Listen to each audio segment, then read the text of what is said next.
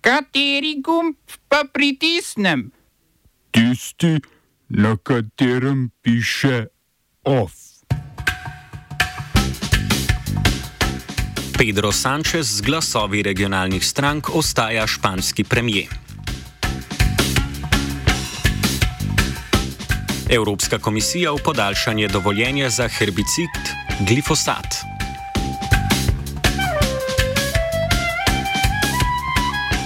Združene države Amerike in Kitajska obnavljajo komunikacijo med vojskama.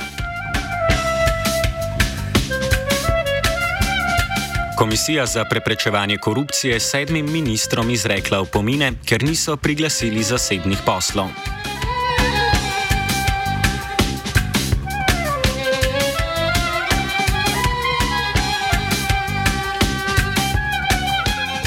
Evropska komisija je sporočila, da bo za deset let podaljšala dovoljenje za uporabo herbicida glifosat. Države članice niso zbrale kvalificirane večine niti za podaljšanje dovoljenja, niti za zavrnitev podaljšanja. Zato ima komisija po lastni utemeljitvi obvezo, da do 15. decembra, ko trenutno dovoljenje poteče, sprejme odločitev sama. Podaljšanje dovoljenja so komisiji omogočile Francija, Nemčija in Italija, ki so se glasovanja vzdržale. Francoski predsednik Emmanuel Macron je tako prelomil lastno obljubo iz leta 2017, ko je dejal, da bo Francija uporabo glifosata prepovedala.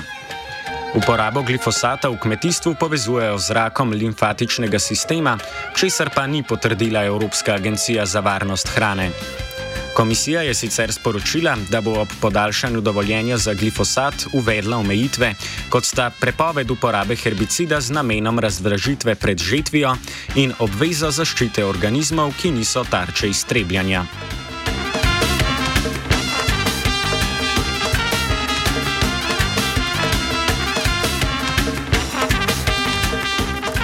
Poslanci španskega parlamenta so za premijeja izvolili Pedra Sančeza. Za svoj drugi zaporni mandat si je predsednik socialistične stranke zagotovil 179 glasov v 350 članskem parlamentu. Na julijskih volitvah je največ glasov prejela konzervativna ljudska stranka, a ni uspela sestaviti koalicije in bo z ultranacionalistično stranko Vox v opoziciji. Sanchez je koalicijo sklenil s koalicijo Sumar oziroma stranko Podemos. Ključne glasove pa so mu namenili v dveh katalonskih, dveh baskovskih, galicijski in kanarski regionalni stranki. Katalonski stranki Junts je Sančezu za meno za podporo obljubil pomilostitev aktivistov in politikov, ki jih španska sodišča preganjajo v povezavi z organizacijo referenduma o neodvisnosti Katalonije pred šestimi leti. Proti dogovoru po Španiji, predvsem v Madridu, potekajo desničarski protesti.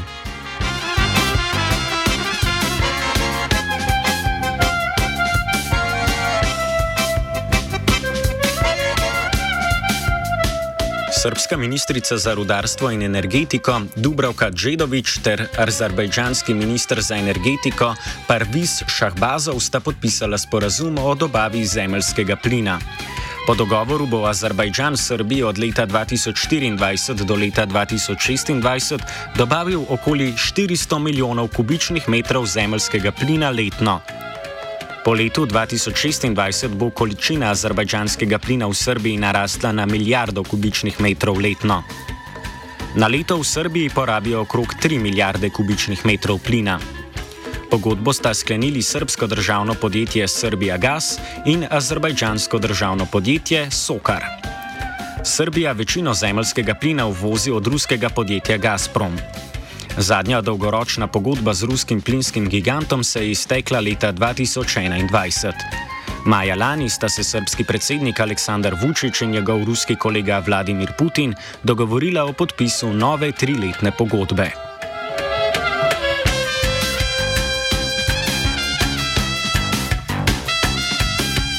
Predsednik Združenih držav Amerike Joe Biden in kitajski predsednik Xi Jinping sta se dogovorila o obnovi komunikacije med obema vojskama in s tem omilitvi napetosti med vele silama. Dogovor sta dosegla na prvem uradnem srečanju po več kot letu dni. Kitajska je medvojaške komunikacije z Združenimi državami prekinila lani, ko je tedanja predsednica predstavniškega doma ameriškega kongresa Nancy Pelosi v provokaciji Kitajske obiskala Tajvan. Predsednika sta napovedala tudi več drugih sporazumov, zlasti o boju proti uvozu opioida fentanil v Združene države.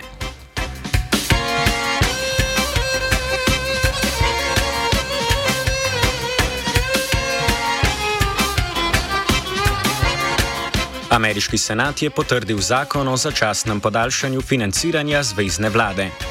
Predlog zakona je dan predtem potrdil tudi predstavniški dom, do sobote pa ga mora podpisati še Biden. S tem bo ameriška vlada in njene agencije normalno delovale do 19. januarja 2024. Začasno podaljšanje je predlagal novi predsednik predstavniškega doma, republikanec Mike Johnson. Demokrati, ki so sprva nasprotovali začasnemu podaljšanju in se zauzemali za sprejem celovitega proračuna, so zakon podprli, saj ne predvideva znižanja porabe. Zakon ne vsebuje ameriških milijard za Ukrajino in Izrael. Ob tem se bodo demokrati in republikanci pogajali posebej.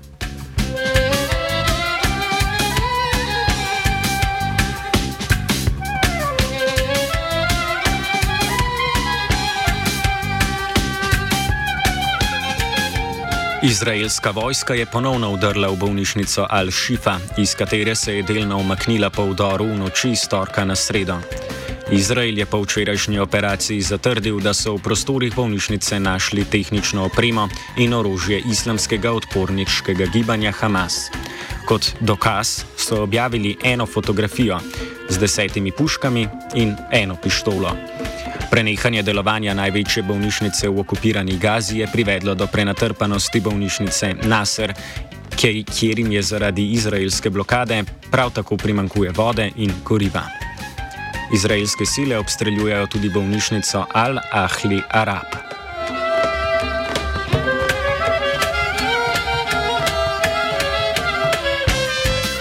Izraelska vojska je sporočila, da so z letali napadli hišo Ismaila Hanjeha, vodje političnega urada Hamasa. Ni znano, ali je bila hiša pred, med napadom prazna. Okupatorska vojska je poškodovala tudi dve stanovanjski zgradbi v begunskem taborišču Nusejrat in mošejo v osrednjem delu Gaze. Izraelska vojska z izvajanjem nasilja nadaljuje tudi na okupiranem Zahodnem bregu, kjer je aretirala 69 palestincev in izvedla več racij. Smo se osamosvojili, nismo se pa osvobodili. Naslednje število je še 500 projektov. Izpiljene modele, kako so se strani nekdanje LDS rotirali. Ko to dvoje zmešamo v pravilno zmes, dobimo zgodbo o uspehu. Takemu političnemu razvoju se reče udar. Jaz to vem, da je nezakonito, ampak kaj nam pa ostane? Brutalni obračun s politično korupcijo. To je Slovenija, tukaj je Slovenija! Slovenija!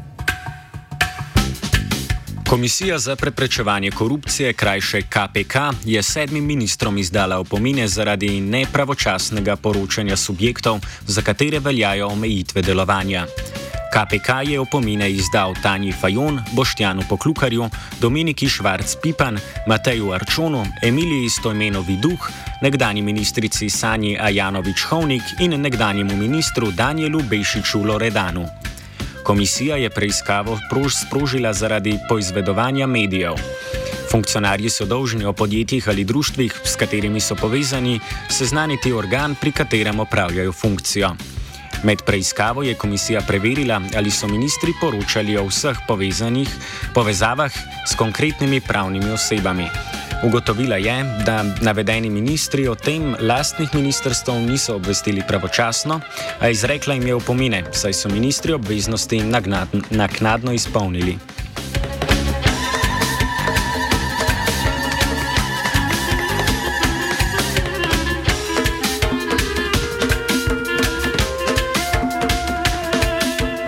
Ministrstvo za zdravje je znova zamaknilo medresorsko usklajevanje in s tem sprejem zakona o psihoterapiji, ki bo tako sprejet v letu 2024. Oktobra je predsednica delovne skupine, ki pripravlja zakon, Mojca Zvezdana Drnovšek, dejala, da bodo zakon predelali, predali v nadaljno obravnavo. Člani delovne skupine so takrat opozorili, da sami niso bili v celoti seznanjeni z vsebino zakona. Predstavniki medicine in psihoterapeuti so namignili, da ministrstvo z zakonom zavlačuje, ker ga namerava prirediti tako, da bo ustrezal zahtevam le ene strani. Na ministrstvu za zdravje odgovarjajo, da je glavni razlog za zamik kompleksnost področja.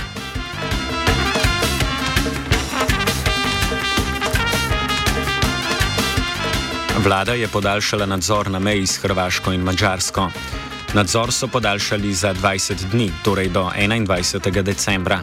Ob tem je vlada zunanjemu ministrstvu naložila naj države članice Evropske unije in Evropsko komisijo obvestijo o nameri uvedbe začasnega ponovnega nadzora za pol leta.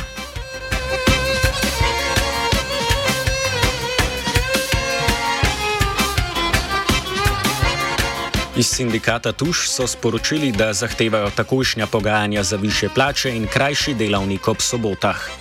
Kot so pojasnili, se bodo za to zauzeli ne glede na lastništvo družbe. V sindikatu so namreč za prodajo podjetja Engro Tuš Merkatorju izvedeli šele včeraj.